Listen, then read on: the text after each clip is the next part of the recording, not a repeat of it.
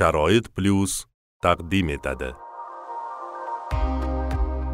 Sharoit plyus podkast loyihasi.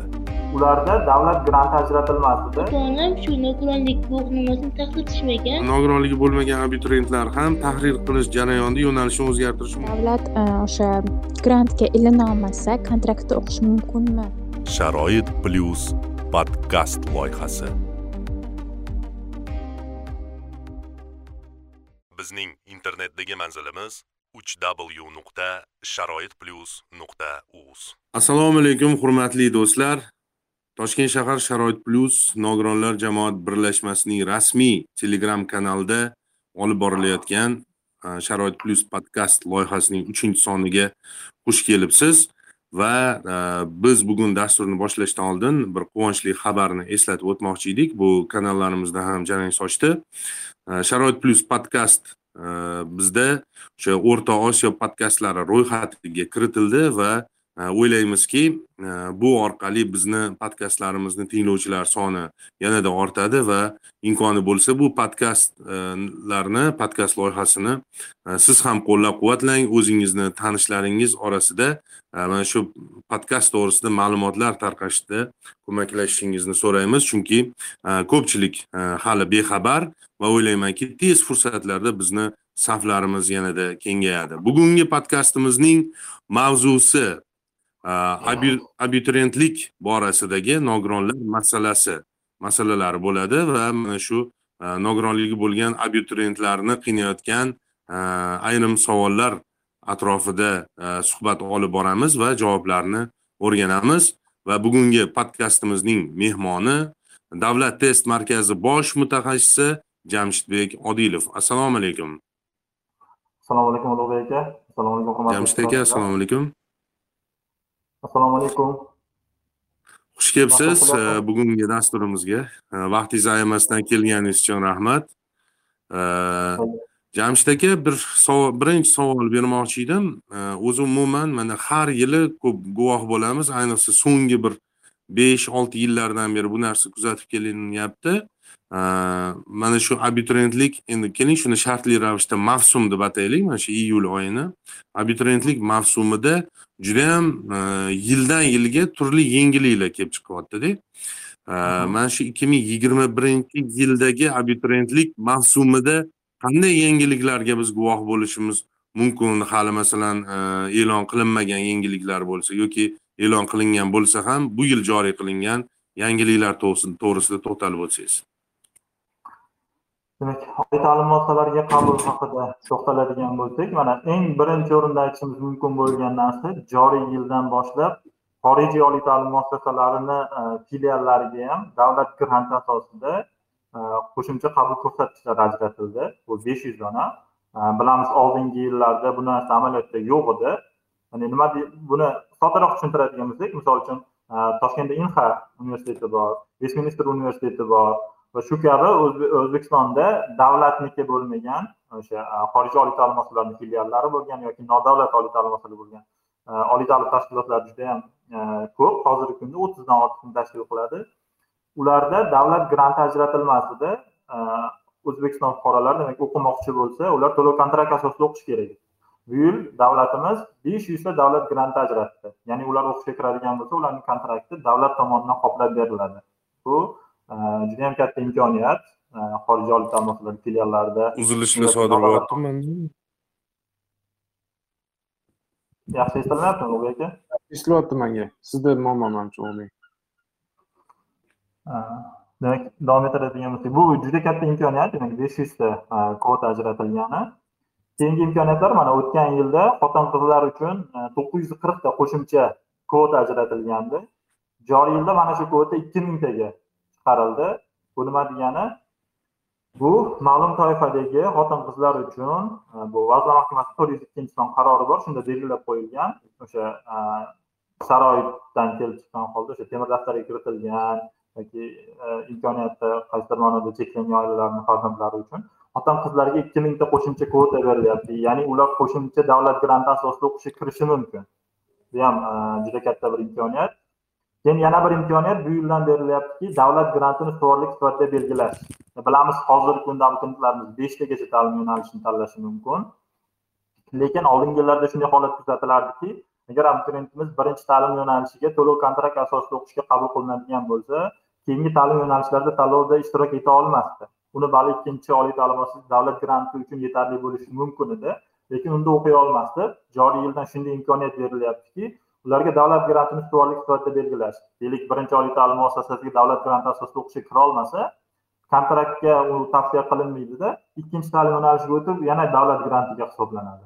Ikkinchisiga agar ball yetarli bo'lsa ikkinchisiga tavsiya qilinadi. Agar ikkinchisiga ham yetarli bo'lmasa uchinchisida davlat granti asosida. Xuddi shunday beshalasi bo'yicha ham avvalo birinchi o'rinda davlat granti bo'yicha ko'rib chiqiladi.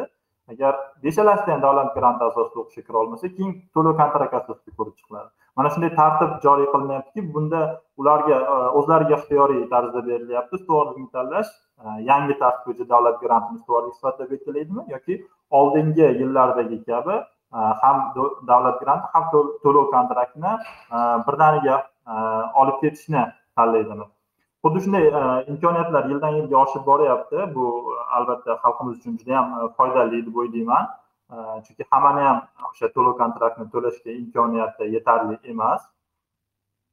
Bunday imkoniyatlar yildan yilga oshib boryapti endi bevosita mavzuga to'xtaladigan bo'lsak nogironligi bo'lgan shaxslarga ikki ming o'n sakkizinchi yildan boshlab nogironligi bo'lgan shaxslarga ikki foizli qo'shimcha kvota ajratish amaliyotga joriy etilgan.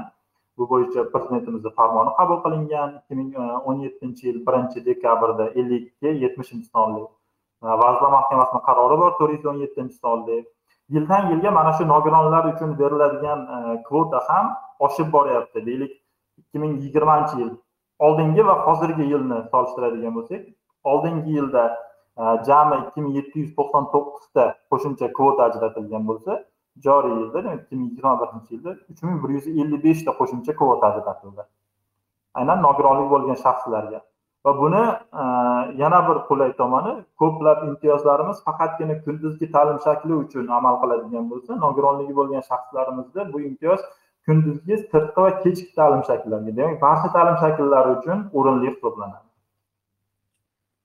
Demak shu kabi yangiliklarimiz mavjud. Rahmat. Jamshid aka e, bir narsa ko'p e, yillardan beri bizni e, qiziqtirib keladi. O'sha ikki ming o'n yettinchi yili ellik yetmish sonli o'zbekiston respublikasi prezidentini farmoni bilan o'sha ikki foizli kvota tasdiqlangandan keyin qay darajada o'zi nogironligi bo'lgan shaxslarni o'sha oliy ta'lim muassasalariga hujjat topshirgandan keyin o'zi e, ularni davlat ta'lim muassasalarida o'qishga kirishini bir statistikasi yuksaldi. Biz eshitamiz. Misol uchun ikki ming yetti yuzta deylik o'rin ajratilgan bo'lsa ikki minginchi yilda aslida o'zi e, u kvotani e, to'liq qamrab ololmayapti nogironligi bo'lgan talabalar. Umuman ko'rsatkich undan past degan bir ma'noda ko'plab savollar bo'ladida. Shunaqa statistika yuritiladimi test markazida? Ulug'bek aka demak hozir buni soddaroq tushuntirishga harakat qilaman demak rasmiylikdan qochgan holda qarang bitta holat bor davlat oliy ta'lim muassasalariga kirish uchun minimal talab belgilanadi davlat grantiga kirish uchun minimal talab o'tgan yilda o'ttiz olti foiz edi to'lov kontrakt uchun esa ellik olti butun o'nda yetti ball edi ya'ni bu o'ttiz foizga to'g'ri kelardi bu nima degani o'tgan yil misolida tushuntirish osonroq ko'pchilik oldingi yillarda qatnashgan maksimal ball bir yuz sakson to'qqiz oltmish sakkiz balldan yuqori to'plaganlar grantga kirishi mumkin ellik olti butun o'nda yetti balldan yuqori to'plaganlar to'lov kontrakt asosida kirishi mumkin. Deylik e, bitta ta'lim yo'nalishiga beshta kvota ajratilgan lekin u yerga topshirgan o'zi to'rttagina odam bor ya'ni kvotadan ham kam. Lekin ular oltmish sakkiz ball to'plamasa u yerga grantga tavsiya qilinmagan. Shunday e, bo'sh qolishi kerak bo'lgan lekin nogironligi bo'lgan shaxslarda shunday imkoniyat borki ular o'ttiz foizlik natijani ko'rsatishni o'zi yetarli. Ya'ni ellik olti butun o'nda yetti ball oldingi yil misolida. Shuni to'plashni o'zi ularga davlat granti asosida tanlovda ishtirok etishga yetarli. Albatta bu kvota doirasida. Endi bu narsani statistika bilan ko'radigan bo'lsak oldingi yillarda juda ko'plab oliy ta'lim muassasalarida o'tish balli aynan ellik olti butun o'nda yetti ballni tashkil qilgan. Ya'ni ayrim bir e, toshkent davlat yuridik universiteti kabi bir e, judayam prestijli bo'lgan oliy ta'lim muassasalarini inobatga olmaganda juda ko'pchiligida shu ball o'tish balli nima uchun o'ttiz foiz o'ttiz foiz yuqori emasmi? Endi boshqalardanda yaxshi bo'lgan holatda ham yuqori emasmi deb qaraydigan bo'lsak testni qaraydigan bo'lsak o'zida to'rtta harf a b s d har bitta harf o'rtacha yigirma besh foizga to'g'ri keladida. Abituriyent hech qanday bilimga ega bo'lmasdan bitta harfni bo'yaganda ham yigirma besh foizlik natija ko'rsatadi o'zi.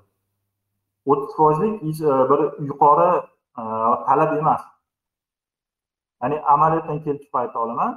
O'ttiz foizli natijani ko'rsatgan e, nogironligi bor shaxslarni aksariyati juda katta qismi oliy ta'lim muassasalariga o'qishga qabul qilinyapti. Tushunarli. Shu yerda yana bir savol tug'iladi. Mana shu o'ttiz foiz degan o'zi e, nima deydi bir e, marra deymizmi? Mana shu marra nimadan kelib chiqib aynan o'ttiz foiz deyilgan. Masalan ellik yoki oltmish yo qirq yo qirq besh masalan. Sal balandroq masalan e, olinmagan yokida aynan o'ttiz foiz degan ko'rsatkich xulosasiga nima asosda kelingan E, demak o'zi umuman oliy ta'lim muassasalariga qabul qilish bo'yicha chegarani ko'radigan bo'lsak o'zbekiston respublikasi ta'lim muassasalariga qabul qilish bo'yicha davlat komissiyasi mavjud. Bu e, komissiya juda katta tartibda bo'ladi. E, bunda bevosita bosh vazir rais hisoblanadi.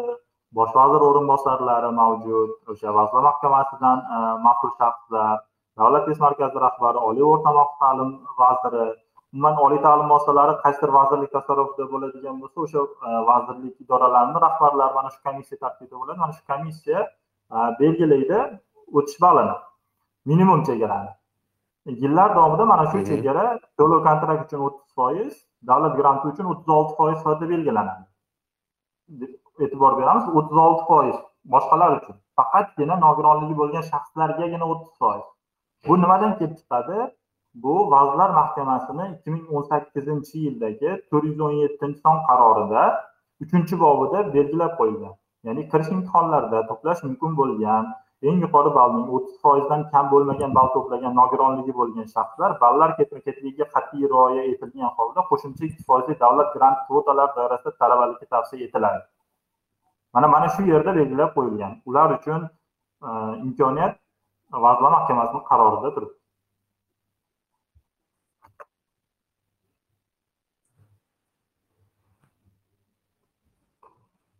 Ulug'bek eshitilyaptimi? Tushunarli. Demak e, eshitilyapti. Jamshid aka e, yana bir savol mana ko'pincha e, savollar tushadiki bakalavr bosqichiga topshirish va magistratura o'sha bosqichiga topshirishda farqlar to'g'risida beriladi. Mana shu ikki foizlik kvota va nogironligi bo'lgan abituriyentlar uchun belgilangan barcha imtiyozlar magistratura bosqichiga ham e, tatbiq etiladimi? E, to'g'risi endi magistratura bosqichiga tatbiq etilishi bo'yicha ma'lumot mavjud emas chunki davlat test markazi magistratura imtihonlari bilan e, shug'ullanmaydi. Shuning uchun bu borada hozir aniq fikr ayta olmayman. O'tadi yoki o'tmaydi degan. Men hozir aytayotgan raqamlarni hammasi bakalavriat uchun tegishli. Balki magistratura uchun ham bordir balki xabarim yo'qdir hozir e, mavjud emas deb e, xato ma'lumot e, berib qo'ymay shuning uchun bu bo'yicha agar aniqroq ma'lumot olish kerak bo'lsa oliy o'rta maxsus ta'lim vazirligiga murojaat qilish kerak. Ulardan aniqlashtirib olish kerak bo'ladi. Rahmat. Keyingi savolim quyidagicha bo'ladi. Odatda hozir ko'p ijtimoiy tarmoqlarda ham nogironligi bo'lgan shaxslar ancha faollashib qolgan va bir masalani juda yam ko'p ko'tarib chiqilyapti. Umuman atrof muhitda infratuzilmani nogironligi bo'lgan shaxslarga moslashtirilmaganligi to'g'risida ko'p bong uryapmiz. Biz o'zimiz ham men o'zim ham nogironligim bor ko'rish bo'yicha. Va ko'p bu to'g'risida biz muhokamalarda qatnashamiz. Savol shundan iboratki mana mana shu test sinovlari tashkil etilishi jarayonida ishchi guruhining oldida ya'ni dasturida nogironligi bo'lgan talabalar uchun abituriyentlar uchun shart sharoit yaratish to'g'risida ham qandaydir bir vazifalar belgilab olinadimi o'zi? Chunki ko'pgina institutlardan e, bizga shunaqa bir e'tirozlar keladiki aravachada masalan borishadi e, lekin test sinovlari masalan qanaqadir bir e, ikkinchi qavatda yoki aravacha sig'maydigan eshiklar bo'ladi masalan o'sha auditoriyalarda. Boshqada mana shu jarayon qanaqa o'zi olib boriladi savol uchun rahmat ulug'bek aka. Bu bo'yicha e, amaliyotdan kelib chiqib aytaman. E, har yili biz nogironlar uchun maxsus sharoitlar qilishga harakat qilamiz. Demak siz aytayotgan holatda zinadan chiqadigan bo'lsa nogironlik uchun maxsus yo'lak qilishga harakat qilinadi. Yoki e, agar bevosita bilamiz nogironligi bor shaxsni kimdir yordam berib olib keladi.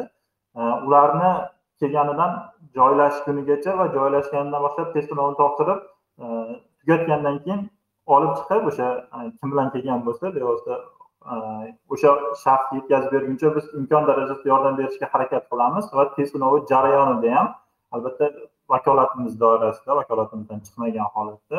Mana oldingi yilda test sinovlari ochiq maydonlarda bo'ldi. U bilamiz hudud test sinovi o'tkaziladigan hudud juda yam katta bir nechta postlar bor.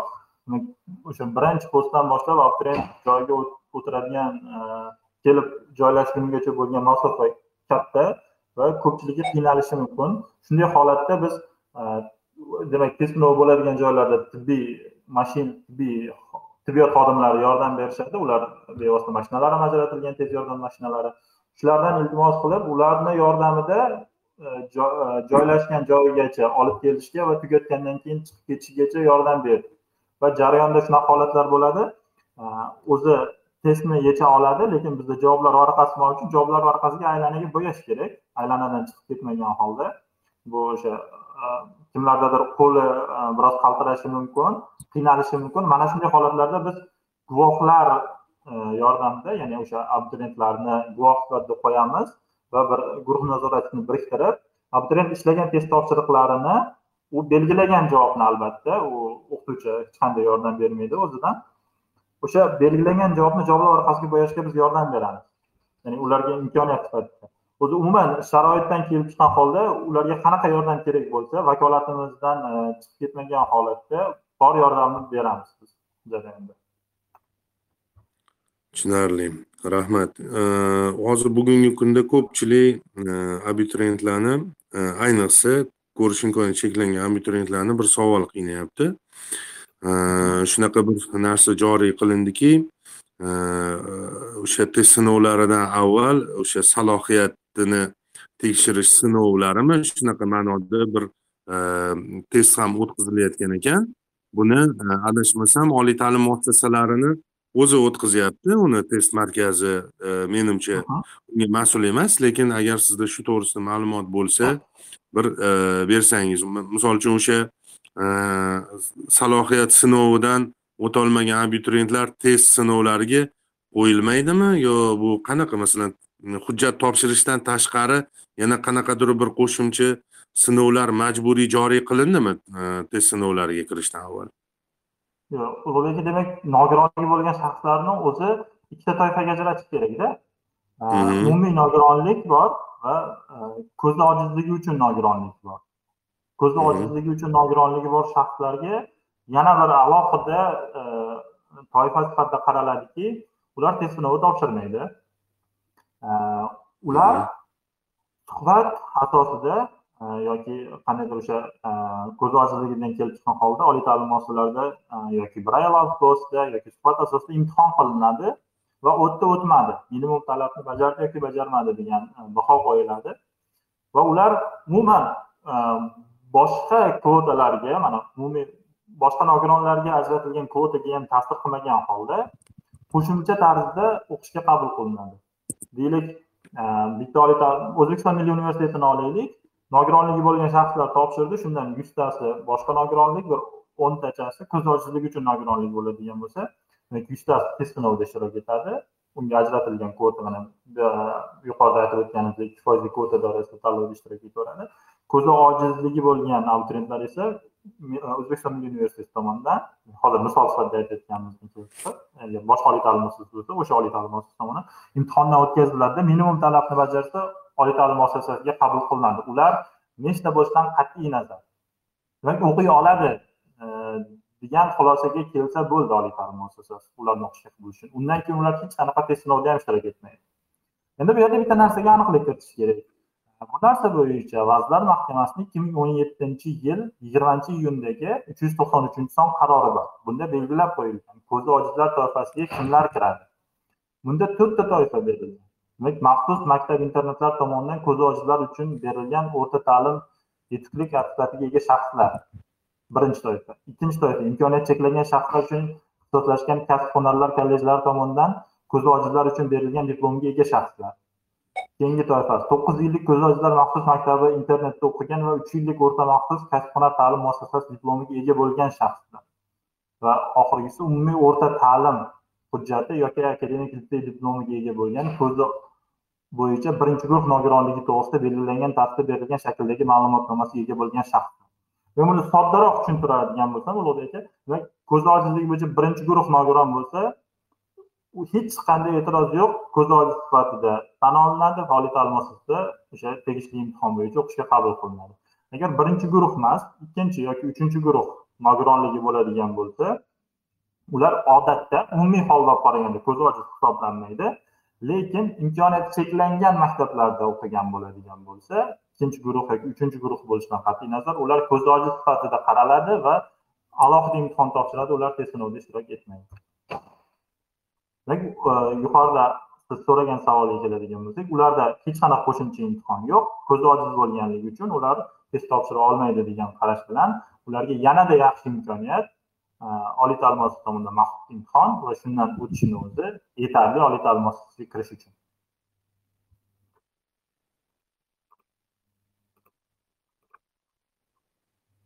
man shu o'rinda ozgincha qo'shimcha savol bermoqchi edim ulug'bek aka agar tushunarli.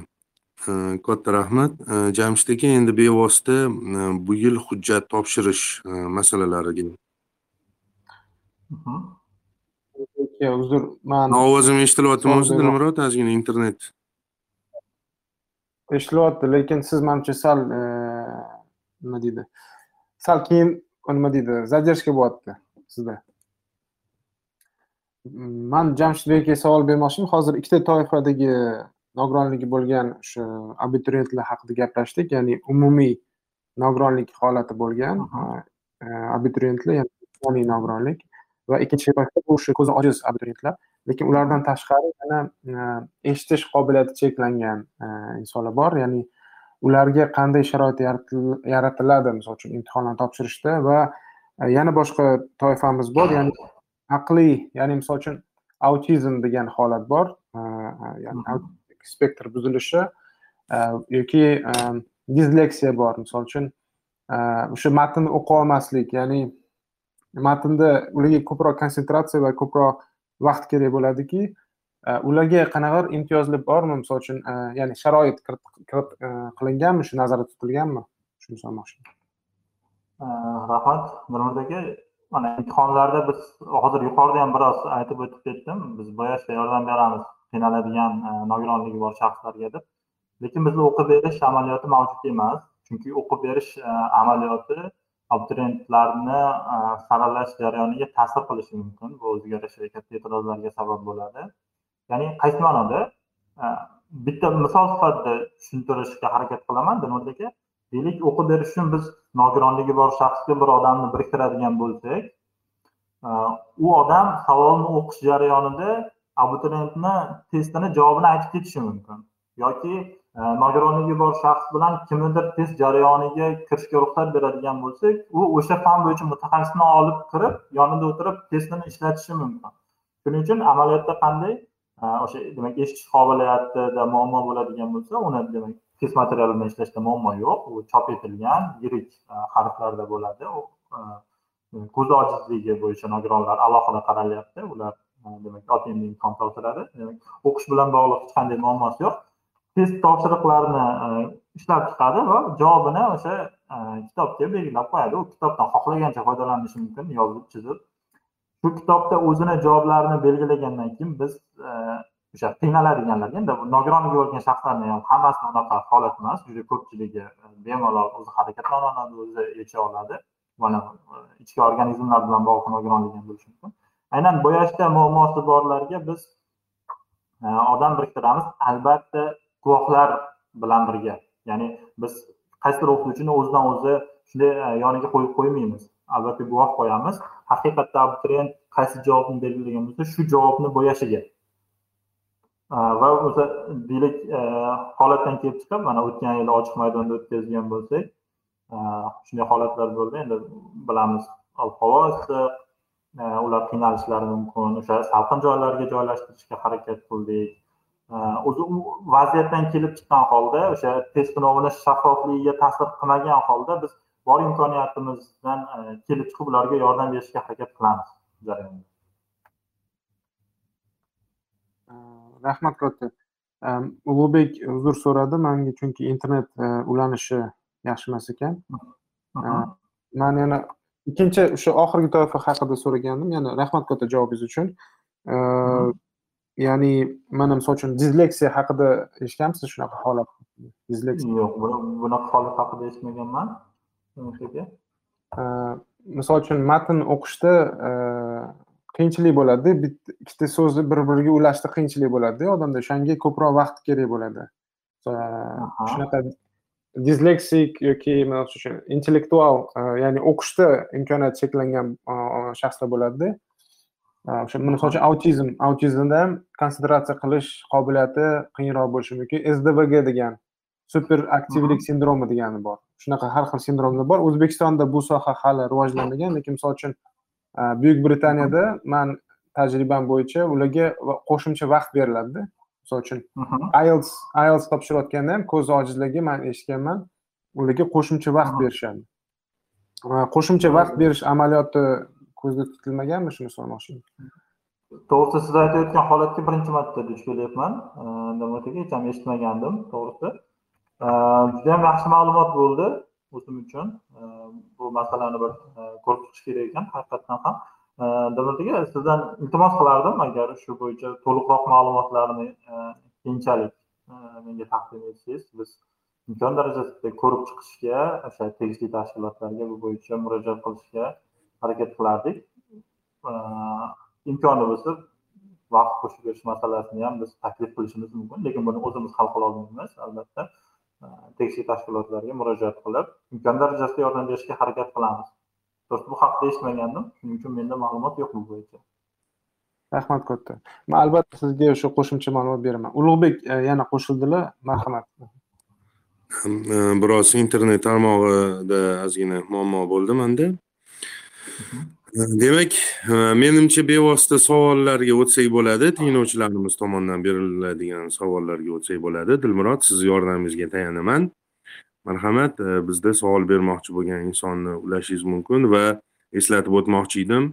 E, sizni o'sha mikrofoningiz yongandan so'ng o'z savolingizni qisqa va lo'nda ravishda berishingizni so'rayman. Va dilmurod bu savolni berib bo'lganlaridan keyin o'sha qaysi bir tinglovchimiz ularni mikrofonlarini o'chirasiz va jamshid akadan javob olamiz. Marhamat. Katta rahmat. Man yana bir marta eslatma bermoqchi edim. Bugungi mavzuyimiz oliy ta'lim muassasalariga bo'lgan abituriyentlarni kirish masalasi. Ya'ni ularni o'sha o'qish jarayonidagi muammolar keyinchalik muhokama qilinadi yana. Bugun faqat shu kirish masalasini muhokama qilamiz. Birinchi shu mikrofon qo'lini ko'targan insonga beraman. Moviy dengiz ismli tinglovchimiz. Marhamat o'zingizni tanishtiring va qisqa lo'nda.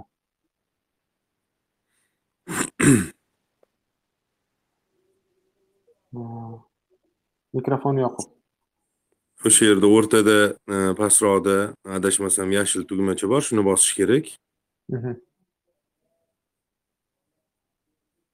mikrofoningiz o'chiq turibdi mikrofoningizni yoqishingiz kerak bo'ladi. Moviy dengiz ismli tinglovchi.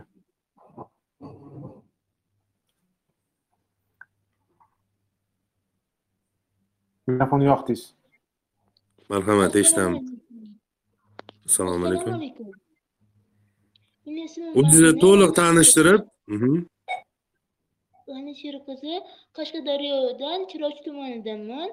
Men hujjat topshirgan hujjat topshirdim o'qishga.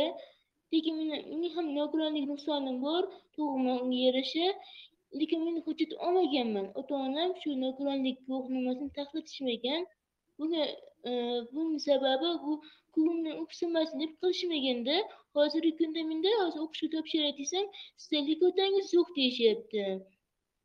Likota taxlataman desam shu nogironlik hujjatini taxlatish uchun anchagina pul kerak so'rashyaptida. Bunga men qanday mm, chora ko'rsam bo'ladi? Ha, demak to'xtang bitta narsani oydinlashtirib olaylik. Sizni o'zingizda nogironlik bor lekin siz rasmiy ravishda nogironligingizni rasmiylashtirmagansiz. Shundaymi? Haligi tmek xulosasini guvohnomasi yo'q sizda. Shundaymi? Ha, shunaqa. Ota-onam bu narsani taxlatishmagan, ko'ngli o'ksinmasin deb.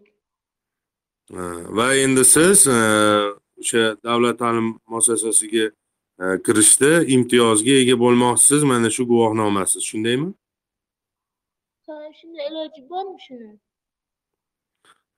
marhamat jamshid aka rahmat ulug'bek aka ulug'bek aka menimcha bu jarayonni e, mendanda yaxshi bilasiz. Nogironligi bo'yicha e, ma'lumotnoma olishdi o'sha tmekdan biz e, o'zi umuman amaliyot qonunchilikdan kelib chiqadigan bo'lsak nogironligi bo'lgan shaxslar ma'lumotlari sog'liqni saqlash vazirligi tomonidan tasdiqlanadi. Bu borada bevosita o'sha tmek deb aytadigan tashkilotimiz ishlaydi. Bu tibbiy ijtimoiy ekspertiza komissiyasi. Demak bizda nogironligi bo'lgan shaxslarni tasdiqlash jarayoni shu tashkilot tomonidan amalga oshiriladi. Ya'ni oldingi yillarda bo'lardi bizda nogironligi bo'lgan shaxslar o'zlari ma'lumotlarini kiritardi va biz ularni ma'lumotlarini tmekka taqdim etib ular tekshirib tasdiqlab berardi mana shu abituriyentlarda haqiqatdan nogironlik bor mana bu abituriyentlarda nogironlik mavjud emas. Yoki o'sha muddati o'tib ketgan bo'lishi mumkin yoki nogironlik toifasi to'g'ri kelmasligi mumkin demak amaliyotda bu faqat birinchi va ikkinchi guruh nogironlarga ikki foizlik kvota beriladi uchinchi guruh nogironligi bo'lgan shaxslarga esa alohida ikki foizlik kvota tatbiq etilmaydi endi agar ma'lumotnomasi bo'lmasachi ma'lumotnomasi bo'lmasa bevosita davlat test markazida hech qanday vakolat yo'q kimgadir nogironligi bo'lgan shaxs sifatida E, qarashga yoki ularni nogironligi bor shaxs sifatida tan olishga e, bunda biz hech qanday yordam bera olmaymiz. Ming afsuski e, bizda mana qabul jarayoni yigirma ikkinchi iyulgacha davom etadi. Biz ulardan iltimos qilamiz ulardan so'raymizki tmekka borib yigirma ikkinchi iyulga qadar agar o'sha tibbiy ma'lumotnomani ola olsalar muammo yo'q biz ularni nogironligini inobatga olamiz. Faqat o'sha tashkilot tomonidan tan olinishi kerak nogironlik. Rahmat. Endi o'zimni tavsiyamni berib o'tmoqchi edim o'sha tmek xulosasini e, olish uchun e, harakat qiling. Endi e, shaxsan o'zimni yigirma ikkinchi iyulgacha bo'lgan muddatda tmek xulosasini olishingizga ko'zim yetmaydi albatta. Lekin harakat qilib ko'rish kerak. Chunki uni o'zini bosqichlari bor baribir hmm, sizni nogironlik belgisi bo'yicha xulosasini yozib berish kerak bo'ladi. O'sha mm, sog'liqni saqlash tashkilotlari va e, bu kabi stereotiplar ya'ni o'sha e, millatimizdagi e, g'amxo'rlik ortiqcha g'amxo'rlik sababidan juda yam ko'pchilik nogironligi bo'lgan bizni do'stlarimiz nihoyatda qiynalishadi. Marhamat keyingi savol beruvchini o'ylaymiz. Keyingi tinglovchimiz akramjon akramjon ismli tinglovchi. Marhamat mikrofoningizni yoqasiz. Qisqa o'zingizni tanishtirasiz. Alo assalomu alaykum assalomu alaykum. Yaxshimisiz charchamayapsizmi qarang menda savol o'zingizni tanishtiring to'liq birinchi. Men ismim akram akramjon familiyam abdusalomov qarang bir jiyanimiz onlayn hujjat topshirdik. Onlayn hujjat topshirganda imtiyozlar degan joyga faqat nogironligi bor shaxs degan narsa chiqyaptida qanday yordam bo'lishi mumkin o'qishga kirishida siz bizni podkastimizga hozir qo'shildingizmi yo boy boshidan beri eshityapsiz yo'q boshdan beri emas keyinchalik bir o'n besh minutlar bo'ldi yoqqanimga. Ulug'bek qisqa mayli javob berib ketsangiz mayli mayli kech qo'shilibdilar o'zi ana to'liq bir ma'lumot berishga imkon bo'lmadi suhbat jarayonida. Endi qisqaroq holatda aytib o'taman qadamma qadam birinchi o'rinda nogironligi bo'lgan shaxslar test sinovida ishtirok etish uchun to'lovdan ozod qilinadi ya'ni boshqa e, oldingi yillar bitiruvchilari test sinovi uchun to'lov qiladigan bo'lsa nogironligi bo'lgan shaxslar test sinovi uchun to'lov qilmaydi. Bepul tarzda test sinovida ishtirok etadi. O'qishga kirishda ularga alohida ikki foizlik qo'shimcha kvota ajratiladi. Davlat grant asosida va bu e, uchta ta'lim shakli uchun e, beriladi nogironligi bo'lgan shaxslarga. Va o'tish balli demak o'sha tanlovda ishtirok etish uchun minimum talab o'ttiz foiz boshqa imtiyoz boshqa imtiyozlarda bunday emas. Faqatgina nogironligi bo'lgan shaxslardagina shunday.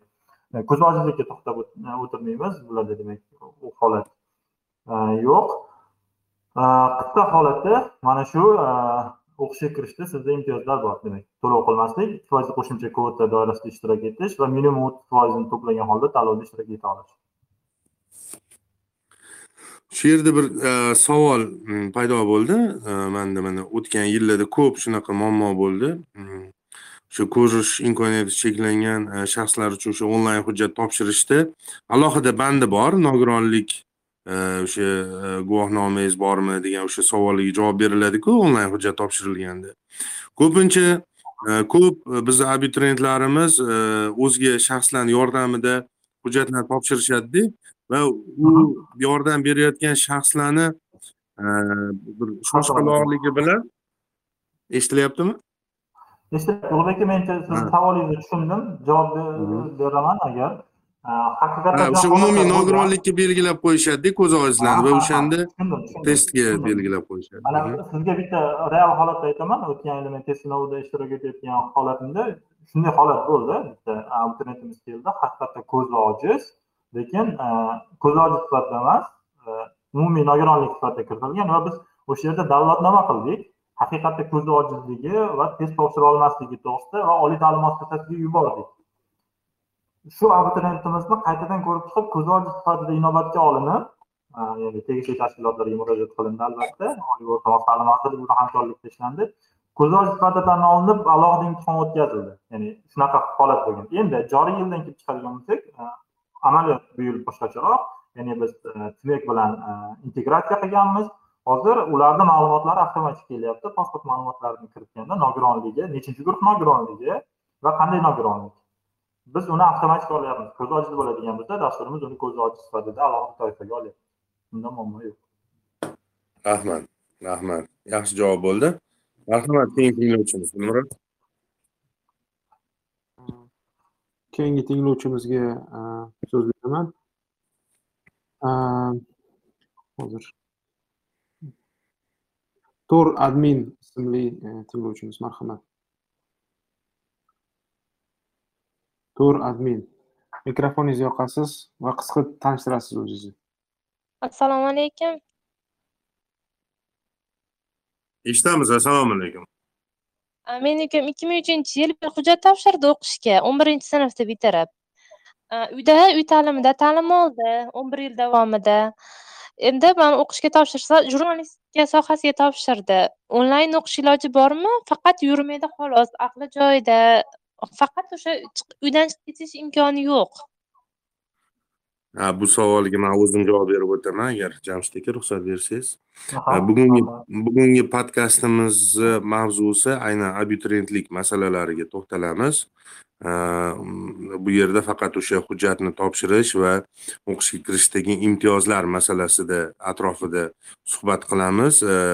Keyinchalik o'qishni qanday shaklda davom ettirishi to'g'risida bugungi podkastimiz mavzusini vakolatiga kirmaydi albatta kuzatib borsangiz e, nasib bo'lsa bu kabi mavzularni ham podkastlar uyushtiramiz. Dilmurod keyingi tinglovchimiz bo'ling man qo'shimcha qilib aytmoqchi edim bu masalada chunki e, nimaga nima sababdan e, onlayn tizimda o'qitmoqchisiz? O'sha oliy ta'lim muassasasi agar sizni o'sha jiyaningizni o'qishga qabul qilgan bo'lsa unga sharoit yaratib bemalol oliy ta'lim muassasasiga qatnash qatnashish huquqi bor sizda. Shuni aytmoqchi edim ya'ni albatta onlayn ta'lim onlayn o'qish boshqacha oliy ta'lim muassasasiga borib qatnab o'qish boshqachada shuni aytmoqchi edim rahmat. Marhamat. Keyingi keyingi e, doston ubaydullayev marhamat mikrofonni yoqasiz o'zingizni qisqa tanishtiring Salom. assalomu alaykum Qayerdan? Dostonjon. Assalomu alaykum. marhamat savolingiz Savolim shundan iborat edi. U shu bo'lgan imtiyozlar ba'zida chiqmay qolyapti. Mana shu masalada nima qilish kerak? sayt ishlashida texnik nosozliklar bo'lganda qayerga murojaat qilish kerak degan savol bermoqchisiz shundaymi Shunaqa. Mhm, rahmat jamshid aka bitta narsa qo'shimcha qilmoqchi edim shu yerda bir xilda shunaqa e'tirozlar bo'ldiki saytda o'sha davlat test markazi saytida hujjat to'ldirayotganda o'sha nogironlik holatini kiritish mumkin bo'lmadi degan e, savol ham bo'ldida shu haqida so'ramoqchi edim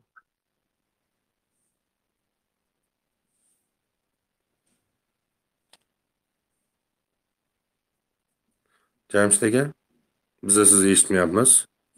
Uzr mikrofonni o'chirgandim xalaqit bermaslik uchun javob berishga harakat qilaman to'liqroq demak kiritish kiritib bo'lmayotgani haqida imtiyozni. Oldingi yillarda abituriyentlarimiz nogironligini o'zlari kiritardilar va qabul tugagandan so'ng biz ularni ma'lumotlarini sog'liqni saqlash vazirligiga yuborib tekshirtirardik bu judayam mashaqqatli protsess edi jarayon edi joriy yilda nima qildik? Biz sog'liqni saqlash vazirligi bilan integratsiya qildik. Ya'ni ularni ma'lumotlarini ulardan e, onlayn tarzda oladigan platforma qildik. Va ya'ni ular o'zlari nogironligini kiritishmayapti. Pasport ma'lumotlarini kiritganda ularni nogironligini biz sog'liqni saqlash vazirligi bazasidan olyapmiz. E, bir raqam aytaman. Hozirgi kunda bizda e, yetti mingdan ziyod nogironligi bo'lgan shaxslar davlat test markazining platformasi orqali ro'yxatdan o'tgan. Ya'ni shuncha abituriyentimizda nogironligi bor sifatida bizga e, sog'liqni saqlash vazirligidan ma'lumot kelgan va dasturda turibdi. Endi haqiqatda ayrim bir e, nogironligi bo'lgan shaxslarda shunday holat bo'lyapti. Ularni e, ma'lumotlari sog'liqni saqlash vazirligidan demak o'sha tmek to'liqroq aytadigan bo'lsak e, tmekdan ularni ma'lumotlari kelmayapti. Tekshirganimizda ularni bazasida ularni pasport ma'lumoti e, xato kiritilgan holatlar bo'lyapti yoki e, ma'lumoti oldingi pasportida turibdi va e, abituriyentimiz pasportini yangilagan yangi pasporti bilan kelmayotgan holat.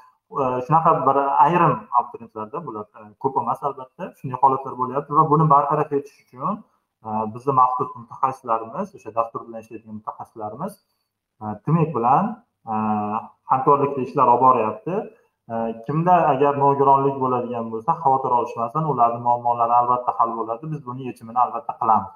Nogironligi bo'lgan shaxslarni hammasini imtiyozi inobatga olinadi shu hujjatlar ilova qilib topshirilgan onlayn anketani anke- rahmat e, doston aka. E, mana shu hujjatlar ilova qilib onlayn topshirilgan anketani misol uchun qanaqadir shunaqa kichkina bir tushunmovchiliklar sababidan noto'g'ri bo'lib qolgan vaqtda to o'sha hujjat topshirilish tugaguncha tahrir qilsa bo'ladimi yo'qmi jamshid aka o'zi o'zi umuman oladigan bo'lsak abituriyentlar ma'lumotlarini tahrirlashi mumkin lekin imtiyozlar masalasida tahrirlashga hojat yo'q chunki biz avtomatik olyapmiz nogironligi bo'lsa albatta inobatga olib qo'yyapmiz mana aynan hozirgi holat kimlardadir kelmayotganini biz ishlayapmiz aniqlashtiryapmiz agar. Buni fe'li xato ketib qolgan bo'lsa demak ularni bazasida xato turgan bo'lsa biz uni to'g'irlab ularnikini inobatga olyapmiz mana qanchadir ularnikini to'g'irladik kimlarnidir ma'lumoti e, kelmay qolgan e, uni hal qilyapmiz. O'zi qabul jarayoni yakunlangunga qadar o'zi e, imtihon agar qabul jarayoni yakunlangungacha agar imkoni bo'lmasa biz undan keyin bo'lsa ham hamma nogironligi bo'lgan shaxslarni imtiyozini inobatga olamiz. Bu bo'yicha barcha ishlarni amalga oshiramiz. Bizni mutaxassislarimiz bu bo'yicha ishlayapti hozirda. Biron bir ishonch telefoni bormi? Bizda saytimizda ishonch telefoni bor va fuqarolar murojaat qilish uchun kol markazimiz bor. O'n bir to'qson besh raqamida yigirmadan ortiq operatorlar e, to'liq javob berishadi. Istalgan payt fuqarolarimiz murojaat qilishi mumkin lekin e, bizda hozir murojaatlar judayam ko'p. Ya'ni bittada bog'lana olmasliklari mumkin. Ya'ni telefon qilganda ular navbatga e, qo'yilishi mumkin. Ya'ni yigirmata operatorimiz ham bir vaqtda javob berib ulgurmayapti. Chunki millionlab abituriyentlar bor. Murojaat qilmoqchi bo'lishda demak birinchi o'rinda call markazimiz o'n bir to'qson besh yoki e, bizni ishonch telefonimiz bor. Saytimizda keltirilgan ularga murojaat qilishlari mumkin. Rahmat. Keyin mana birinchi yana bitta narsa eslatib o'tay ulug'bek aka bizda shunday holatlar bo'lyapti. Mana pnfl biz jismoniy shaxsni shaxsiy identifikatsiya raqami deymiz. Ko'pchilik rus tilida pnfl deydi. Shu ma'lumotlar xato kiritib qolingan holatlar bo'lyapti. Biz abituriyentlarga aytganimizda borib haqiqatda smetlar xato kiritilgan ekan tuzatdik deb aytishyapti. Birinchi o'rinda shu narsani amalga oshirsin. Agar u yoqda ham to'g'ri bo'ladigan bo'lsa biz uni albatta chorasini ko'ramiz imtiyoz inobatga olinadi rahmat. Marhamat dilmurod. Keyingi so'zni madina po'latovaga beraman. Marhamat madina. O'rtadagi tugmani bosib mikrofonni yoqishingiz kerak bo'ladi. Avvalambor assalomu alaykum. Man ismim madina familiyam po'latova. Nogironligi bo'lgan shaxslar davlat o'sha grantga ilinolmasa olmasa kontraktda o'qish mumkinmi? Va ikkinchi savolim birinchi universitetga kirolmasa nima deydi? Masalan deylik mana birinchi e, tanlagan institutimga ballim to'g'ri kelmasa keyingilariga grant asosida kirish mumkinmi? Albatta. Ulug'bek to'liqroq javob beraman. Demak bu holatda ham yana bir bularda nogironligi bo'lgan shaxslarda imkoniyat shuki mana bizda ko'pchilik biladi ligota degan narsa bor. Xalqimiz ligota deb aytadi. Aslida bu harbiy qism qo'mondonligi tavsiyanomasi ya'ni bir yillik xizmatni o'taydi va o'sha yerdan e, ligota bilan qaytadi. E, abituriyentlarimiz ularda imtiyozi faqatgina birinchi oliy ta'lim muassasasi uchun inobatga olinadi. Keyingi oliy ta'lim muassasalariga inobatga olinmaydi. Lekin nogironligi bo'lgan shaxslarda tanlagan beshala oliy ta'lim muassasasi uchun ham o'rinli. Deylik e, abituriyentimiz beshta oliy ta'lim muassasasini tanladi. Birinchisi doirasida demak nogironligi bo'lgan shaxslarga ajratilgan kodi doirasida tanlovda ishtirok etdi. Shunda kira olsa o'qishga tavsiya qilindi. Kira olmasa keyingi oliy ta'lim muassasasi doirasida. Ikkinchisiga kira uchinchisi umuman beshala oliy ta'lim muassasasi doirasida ham e, imtiyozli inobatga olinadi. Hammasi uchun o'rinli. Endi nogironligi bo'lgan shaxs doirasida o'qishga e, kira olmasa beshalasi bo'yicha.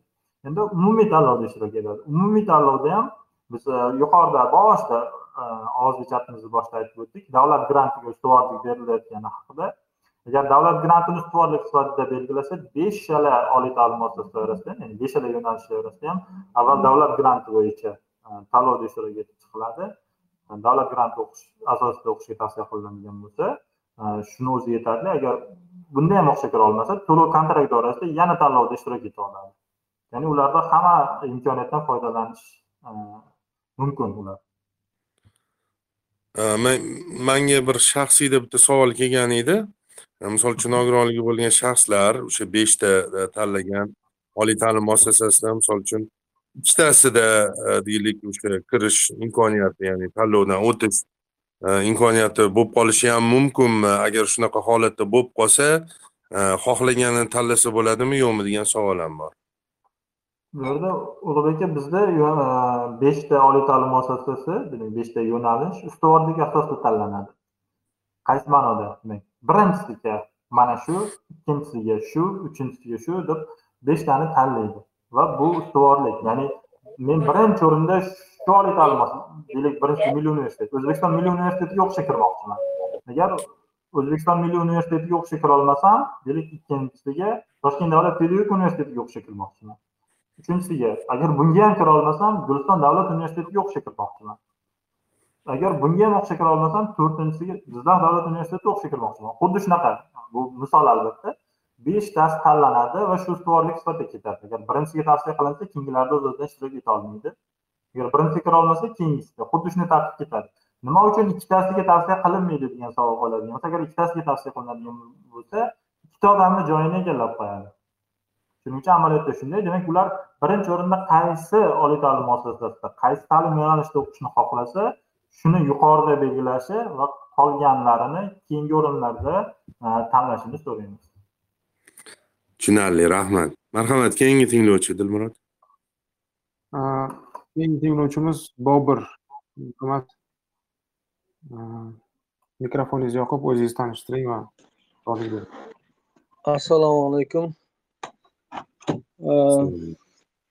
Men lapas bobirman jizzax viloyat do'stlik tumanida istiqomat qilaman. Do'stlik tuman ko'zi ojizlar jamiyati raisiman meni savolim shundan iboratki o'sha ko'zi ojizlar yo'nalishi bu yilgi anavda yo'qda tanlovda.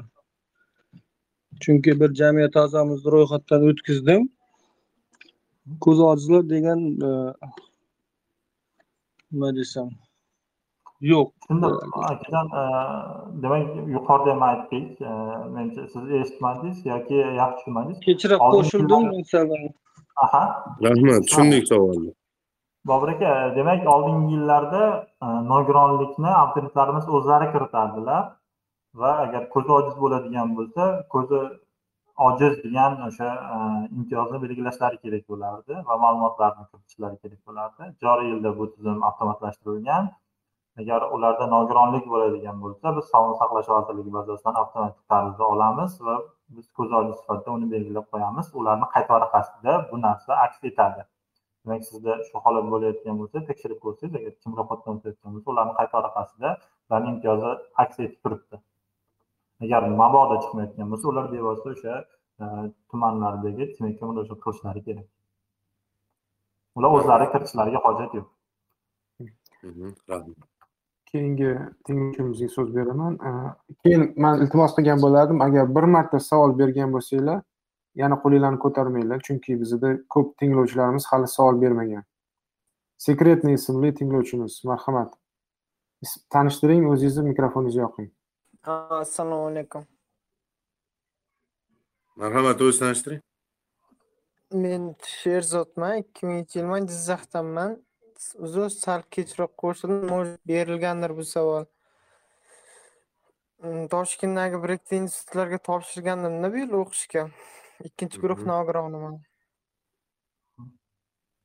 marhamat marhamat savolingiz to'liq Uh, bu yil ikkinchi birinchi ikkinchi guruh nogironlar uchun o'tish bali nechi bo'lishi mumkin? Kontrakt budjet shuni aytib olasizlarmi iltimosda yana bir qayta aytamiz.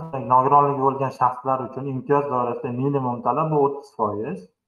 Va albatta ular uchun ajratilgan kvota mavjud. Siz demak qaysi oliy ta'lim muassasasini tanlagan bo'lsangiz shu oliy ta'lim muassasasiga ta'lim shakllari kesimida kvota ajratilgan. Deylik jizzax davlat pedagogika e, institutini tanlaydigan bo'lsangiz u uchun har bitta ta'lim shaklida joy ajratilgan. Mana hozir e, taxminan e, bir qaysidir oliy ta'lim muassasalarini sizga misol sifatida aytaman. Va jizzax politexnika institutiga kunduzgi ta'lim shakli uchun qirq oltita sirtqi ta'lim shakli uchun o'ttiz oltita kechki ta'lim shakli uchun o'nta kvota ajratilgan mana kunduzgi misolda ko'radigan bo'lsak qirq oltita kvota turibdi. Agar nogironligi bo'lgan shaxslar e, mazkur oliy ta'lim topshiradigan bo'lsa nechta bo'lishidan qat'iy nazar ularni bali yuqoridan quyiga qarab olinadi va eng yuqori ball to'plagan qirq olti nafari kunduzgi ta'lim shakliga tavsiya etiladi. Xuddi shunday boshqa ta'lim shakllarida ham shu jarayon amalga oshiriladi. Rahmat. Marhamat keyingi tinglovchimiz shohjahon o'rinboyev marhamat. Assalomu alaykum hammaga. Men shohjahon o'rinboyev farg'onadanman. Bitta savol bermoqchi edim. Bu dtmga hujjatni topshirdik. Undan keyin ham yo'nalishlarni tanlab to'lovni qilib bo'ldik endi yo'nalishni o'zgartirsak bo'ladimi? Mhm. kattakon rahmat yo'nalishingizni bemalol o'zgartirsangiz bo'ladi yigirma ikkinchi iyulga qadar. Yo to'lov qildik deyapsiz sizda nogironligi bormi o'zi? Shu joyini oydinlashtirib ket Shod- menimcha ularda yo'q shekilli nogironlik. bu bu mavzugacha bu anaqaroq bo'lishi mumkin. Hozir og'iz chatga qo'shilib savol meni qiynayapti yo'nalishni o'zgartirish. Bu mavzuga to'g'ri yo kelmaydi. sizda nogironligi bormi sizda? Yo'q yo'q menda nogironlik yo'q. Shunchaki Ha, bo'ldi bo'ldi. rahmat rahmat. Tushundik tushundik rahmat. Ho'p rahmat. Nogironligi bo'lgan abituriyentlar ham nogironligi bo'lmagan abituriyentlar ham tahrir qilish jarayonida yo'nalishni o'zgartirishi mumkin yigirma ikkinchigacha. Shundaymi? Xuddi shunday Mhm. rahmat. Keyingi tinglovchimiz. Marhamat barno narzullayeva barno. Barno mikrofoningizni yoqasiz o'zingiz tanishtirasiz va savolingizni berasiz qisqacha. Mikrofonni o'rtadagi yashil tugmani bosib yoqsangiz bo'ladi. Assalomu alaykum. Hammaga eshitilyaptimi ovozim?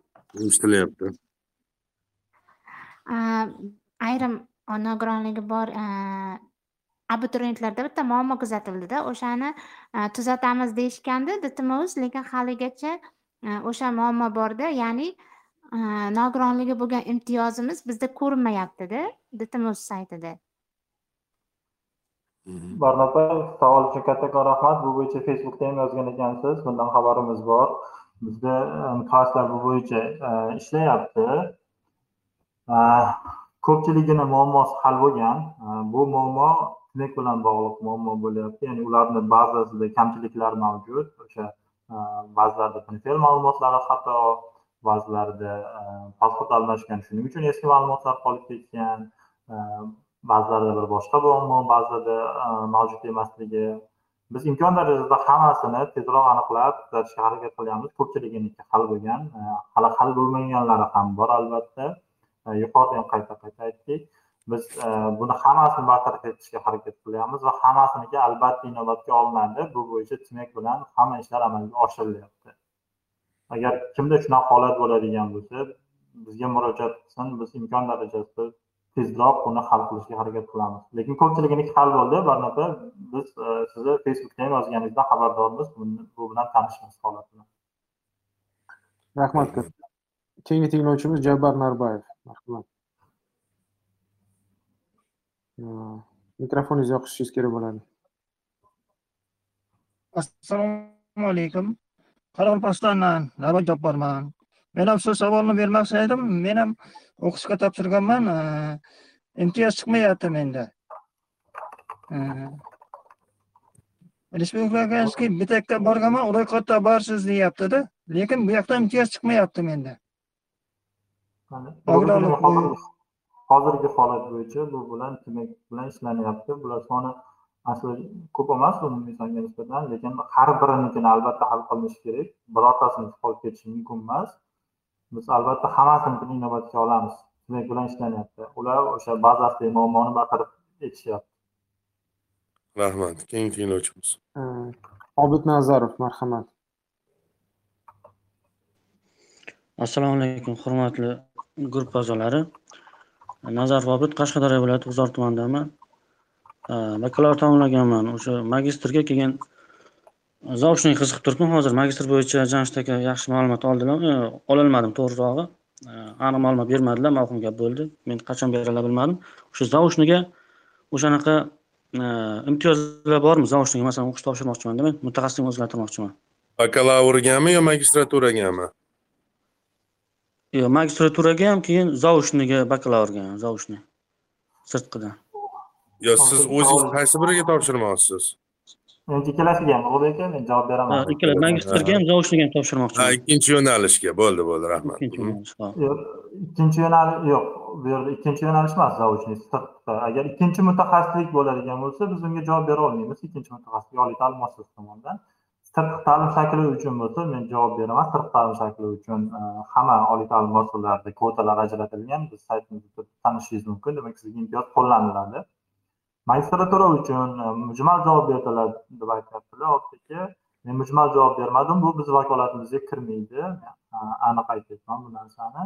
Shuning uchun men xato ma'lumot berib qo'ymaslik uchun e, ma'lumot bermayapman. Qo'llaniladi yoki qo'llanilmaydi deb. Bu bo'yicha bevosita oliy va o'rta maxsus ta'lim vazirligi shug'ullanadi. Ularga murojaat qilish kerak. O'zimni vakolatimda bo'lmagan narsaga e, javob berib e, sizlarga shuncha auditoriya o'tiribdi. Hali bu podkast boshqa platformalarga ham qo'yiladi. Noto'g'ri ma'lumot yetkazib berishdan qo'rqaman. Shuning uchun boshqa tashkilot vakillariga narsaga javob bermoqchi emasman. Shu yerda bitta tavsiya berib ketmoqchi edim. Agar siz e, chuqurroq o'rganmoqchi bo'lsangiz hurmatli tinglovchi vazirlar mahkamasini e, uch yuz to'qson uchinchi sonli e, qarori bor. Mana shu qarorni o'sha magistratura yo'nalishi bo'yicha o'zini ilovalari borda nizomni tasdiqlash to'g'risidada bu qaror. O'sha yerda adashmasam ikkinchi ilovasida edi yo yo ikki yo oltimi? O'sha ilovalarida aynan magistratura yo'nalishi bo'yicha ham imtiyozlar to'g'risida alohida to'xtalib o'tilgan. Shuni sizga tavsiya qilardim assalomu alaykum. Assalomu alaykum. Ulug'bek aka, yaxshimisiz? rahmat yaxshimisiz? Ulug'bek aka, mutaxassisimizga savol berishga mumkinmi? ha o'zingizni to'liq tanishtirib marhamat man Farg'ona viloyati Farg'ona tumanidanman. Jamshid aka, sizga savolim bor edi. Hozir eng ismingizni aytmadingiz Qurbonov Kamoliddin yozilgan. ha marhamat Ha, ikkinchi guruh nogironiman. Jamshid aka bitta eng katta hozir maksimal darajada tez buni e, bartaraf qilish kerak albatta. Chunki hozir bitta o'zim haqimda emas, ko'p mana hozir sheriklarimiz bilan, nogironlar bilan mana shu hujjat topshiryapmiz. Faqat bitta masala mana shu DTMda e, kamchilik mana shu imtiyoz o'sha imtiyoz imtiyoz degan joyda e, imtiyozga hech qanaqa nima yo'q. Plyus degan haligi qo'shish imtiyozi yo'q. Man hozir buni hozir javobini oldim sizdan. Buni hozir nimaga oshiryapmiz anavi meditsina sohasiga meditsina. Lekin endi bitta bitta masala turadi. Hozir mana nogironi bor haqiqiy nogironi bor shaxsdan to ular e, mana bu e, meditsina ta'lim vazirligi buni tasdiqlaguncha nogiron pul to'lashga to'g'ri kelyapti. Chunki nogironga ham hozir ko'p e, nogironlarni man sizga misol qilib tashlashim ham mumkin profillarni nogironlar nima desam bo'ladi. Hozir bir yuz bir yuz e, o'n bir yuz yigirma ikki ming besh yuz so'mdan nogironga ham stavka chiqarilib qo'yyapti. O'sha imtiyoz yo'qligi sababli ko'rsatilmayotganligi sababli. Shuni ham bartaraf qilish kerak. Chunki yigirma ikkinchiga oz qoldi.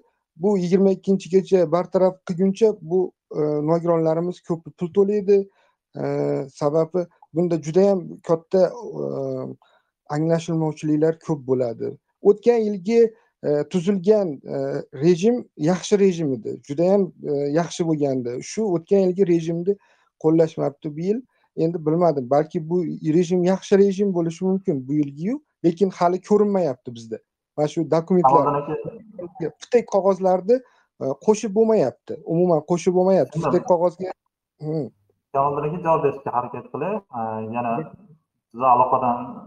Э, men to'liq javob berishga harakat qilaman. Oldingi tizim yaxshi edi deyapsiz lekin judayam ko'p muammolari bor edi ular hammasi o'zlari kiritardi va bizga shunaqa holatlar bo'lganki qabul yakunlangandan so'ng men nogironlik imtiyozimni kiritmabman. E, men kiritish kerakligini bilmagandim degan narsalar. Hozirgi tizimda bunday bo'lmaydi. Ya'ni sog'liqni saqlash vazirligi bazasida bo'ladigan bo'lsa avtomatik keladi. Endi dtm dasturida xatolik bor deb ko'pchilik o'ylayapti lekin bizda emas. O'sha tmekni bazasida ma'lumotlar to'liq emasligi sababli kimlardir e, imtiyozlari chiqmayapti. Э, qayta qayta aytibmiz bu narsa o'rganilyapti va ko'pchiligi tuzatilyapti qolganlarini ham tuzatish jarayoni davom etyapti endi kimdadir nogironlik bo'ladigan bo'lsa biz ularga aytamizki to'lov qilishmasin shart emas biz ularnikini tasdiqlaymiz va test sinoviga biz ruxsat beramiz. Agar mabodo kimdir nogironligi bo'la turib test sinovi uchun to'lovni amalga oshirgan bo'lsa davlat test markazi direktori nomiga ariza yozib berishlarini so'raymiz. Biz ularni to'lovini to'liq qaytaramiz. Davlat test markaziga kelib topshirsin agar hududlarda bo'ladigan bo'lsa davlat test markazini hududiy bo'limlari bor arizasini yozib ularga taqdim etsin. Yoki davlat test test markazini info kuchukcha dtm nuqta uz elektron pochtasi bor arizasini yozib rasmga olib pochtamizga yuborsin.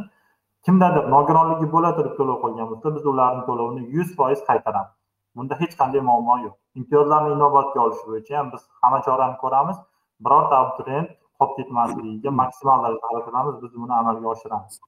Demak tmekdagi baza bilan bog'liq muammo bo'yicha bizni mutaxassislarimiz ishlashyapti. Hammasini bartaraf qilamiz. Rahmat.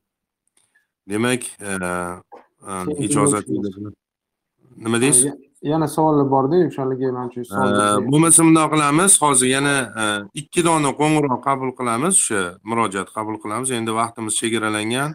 E, jamshid ham o'zi o'sha bir soat atrofida bo'ladi deb e, biz aytgandik hozirgi o'sha qizg'in vaziyatda ularni ishdan e, qoldirishimiz ham mumkin emas o'zi asli chunki e, juda yam ko'p murojaatlar e, bo'lyapti.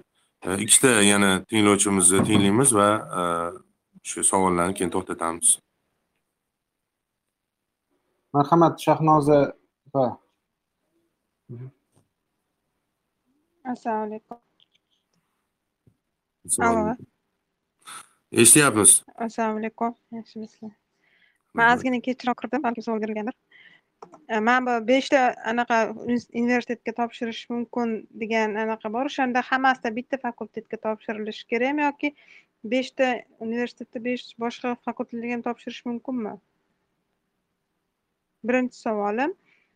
E, ikkinchi savolim anavi hozir savol berishyaptiku anaqada test anaqada bitamada chiqmayapti imtiyozli anaqa degan joy. O'shanda pasport almashgan bo'lsa uni qayerga borib to'g'irlab qilish kerak. Rahmat. Marhamat jamshid aka. yana bitta savolim bor aytsam mayli ikkita savolingizni hozircha anaqa olib turaylik. Boshqa tinglovchilar ham bor marhamat jamshid aka.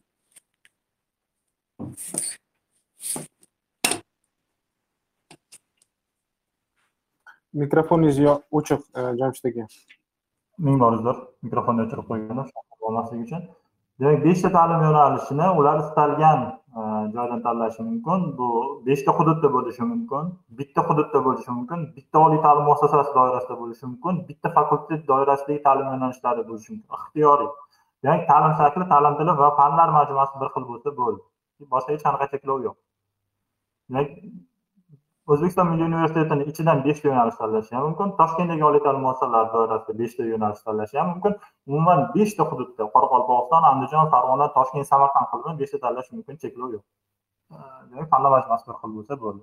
Endi imtiyoz masalasida biz nogironlarni imtiyozi bo'yicha qayta qayta demak deb aytib o'tdik lekin ular hozir imtiyozni qaysiligini aytmadilar. Agar boshqa turdagi imtiyoz bo'ladigan bo'lsa demak o'sha abituriyentimiz o'zi biladi qaysi imtiyoz ekanligini va u qaysi tashkilot berganini ham biladi. Shu tashkilotga murojaat qilish kerak. Deylik mana harbiy tavsiyanoma bo'ladigan bo'lsa u o'sha qaysi harbiy qismda xizmat qilganini biladi. O'sha vazirlik idoraga murojaat qilish kerak. Agar mehribonlik uyi bo'yicha bo'ladigan bo'lsa mehribonlik uyiga murojaat qilish kerak.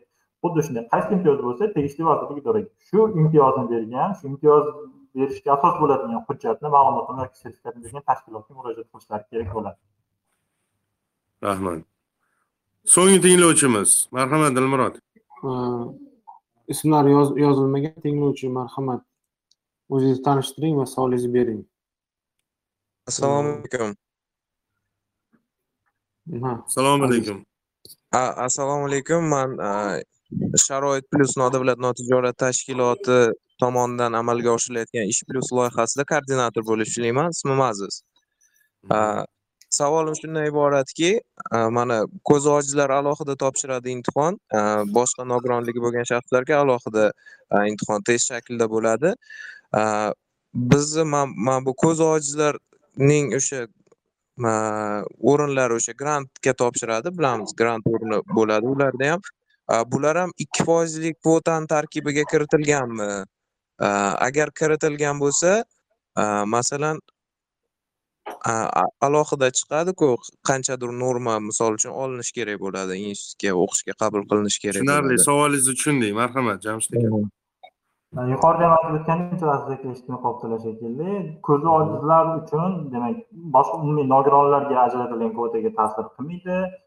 Boshqa kvotalarga ham ta'sir qilmaydi. Ular alohida kvota doirasida nechta bo'lishidan qat'iy nazar hammasi o'qishga qabul qilinadi. Demak bu vazirlar mahkamasini ikki ming o'n yettinchi yildagi uch yuz to'qson uchinchi son qarori berib qo'yilgan. Ya'ni unda shunday turibdi e, uchinchi nizomni uchinchi ilovasida e, oliy ta'lim muassasalariga ko'zi ojiz abituriyentlarni o'qishga qabul qilish tartibi mavjud. O'n birinchi bandida yozib qo'ygan kirish imtihonlaridan muvaffaqiyatli o'tgan abituriyentlar davlat komissiyasi qarori asosida tanlovsiz alohida ajratilgan o'rinlarga davlat grantlari asosida qabul qilinadilar rahmat. Demak har bir narsani boshlanishi bo'lgandek e, tugallanishi ham bo'ladi. Bizni e, bugungi mavzuyimiz juda yam qizg'in mavzu bo'lib chiqdi.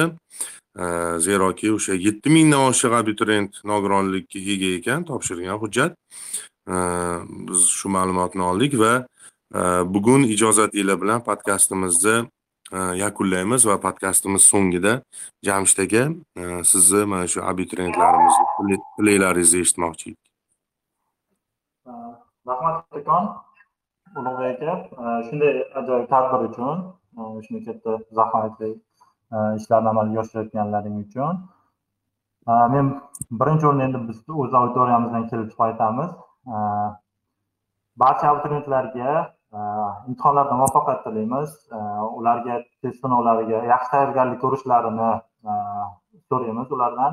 Mana hozir e, yozgi imtihonlar paytida e, turli bir e, ijtimoiy tarmoqlarda yoki ko'chada har xil xabarlar chiqadi. Ya'ni biz o'qishga olib turib qo'yamiz yoki boshqa bir masalalar bu narsalarga hech qaysiga ishonmanglar faqat o'z biliminglarga ishoninglar. Test yaxshi tayyorgarlik ko'ringlar.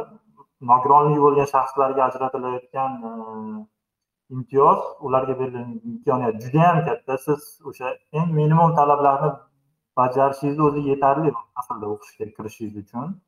E, shuning uchun yaxshi tayyorgarlik ko'rishinglarni so'raymiz va e, imtiyozi o'sha e, chiqmayotgan o'sha tmikda ma'lumot kelmayotgan abituriyentlardan xavotir olmasliklarini so'raymiz. Biz sizlarni muammolaringni albatta hal qilamiz. Sizlar birinchi o'rinda o'sha e, tmekka murojaat qilib sizlar imtiyozlaringni tekshirib olib ularga murojaat qilib qo'yishlarini so'raymiz. Qolgan hammasini biz amalga oshiramiz. Hammaga e, bugungi o'sha ovozli chat tashkilotchilariga ham ishtirokchilarga ham kattakon rahmat aytib qolaman. Rahmat. Demak bugungi podkastimizda davlat test markazi bosh mutaxassisi jamshidbek odilov bo'ldilar e, va sizlar toshkent shahar sharoit plyus nogironlar jamoat birlashmasining sharoit plyus podkast loyihasini tingladingiz. Keyingi eshittirishlarimizda uchrashguncha sog' bo'ling salomat bo'ling omon bo'ling.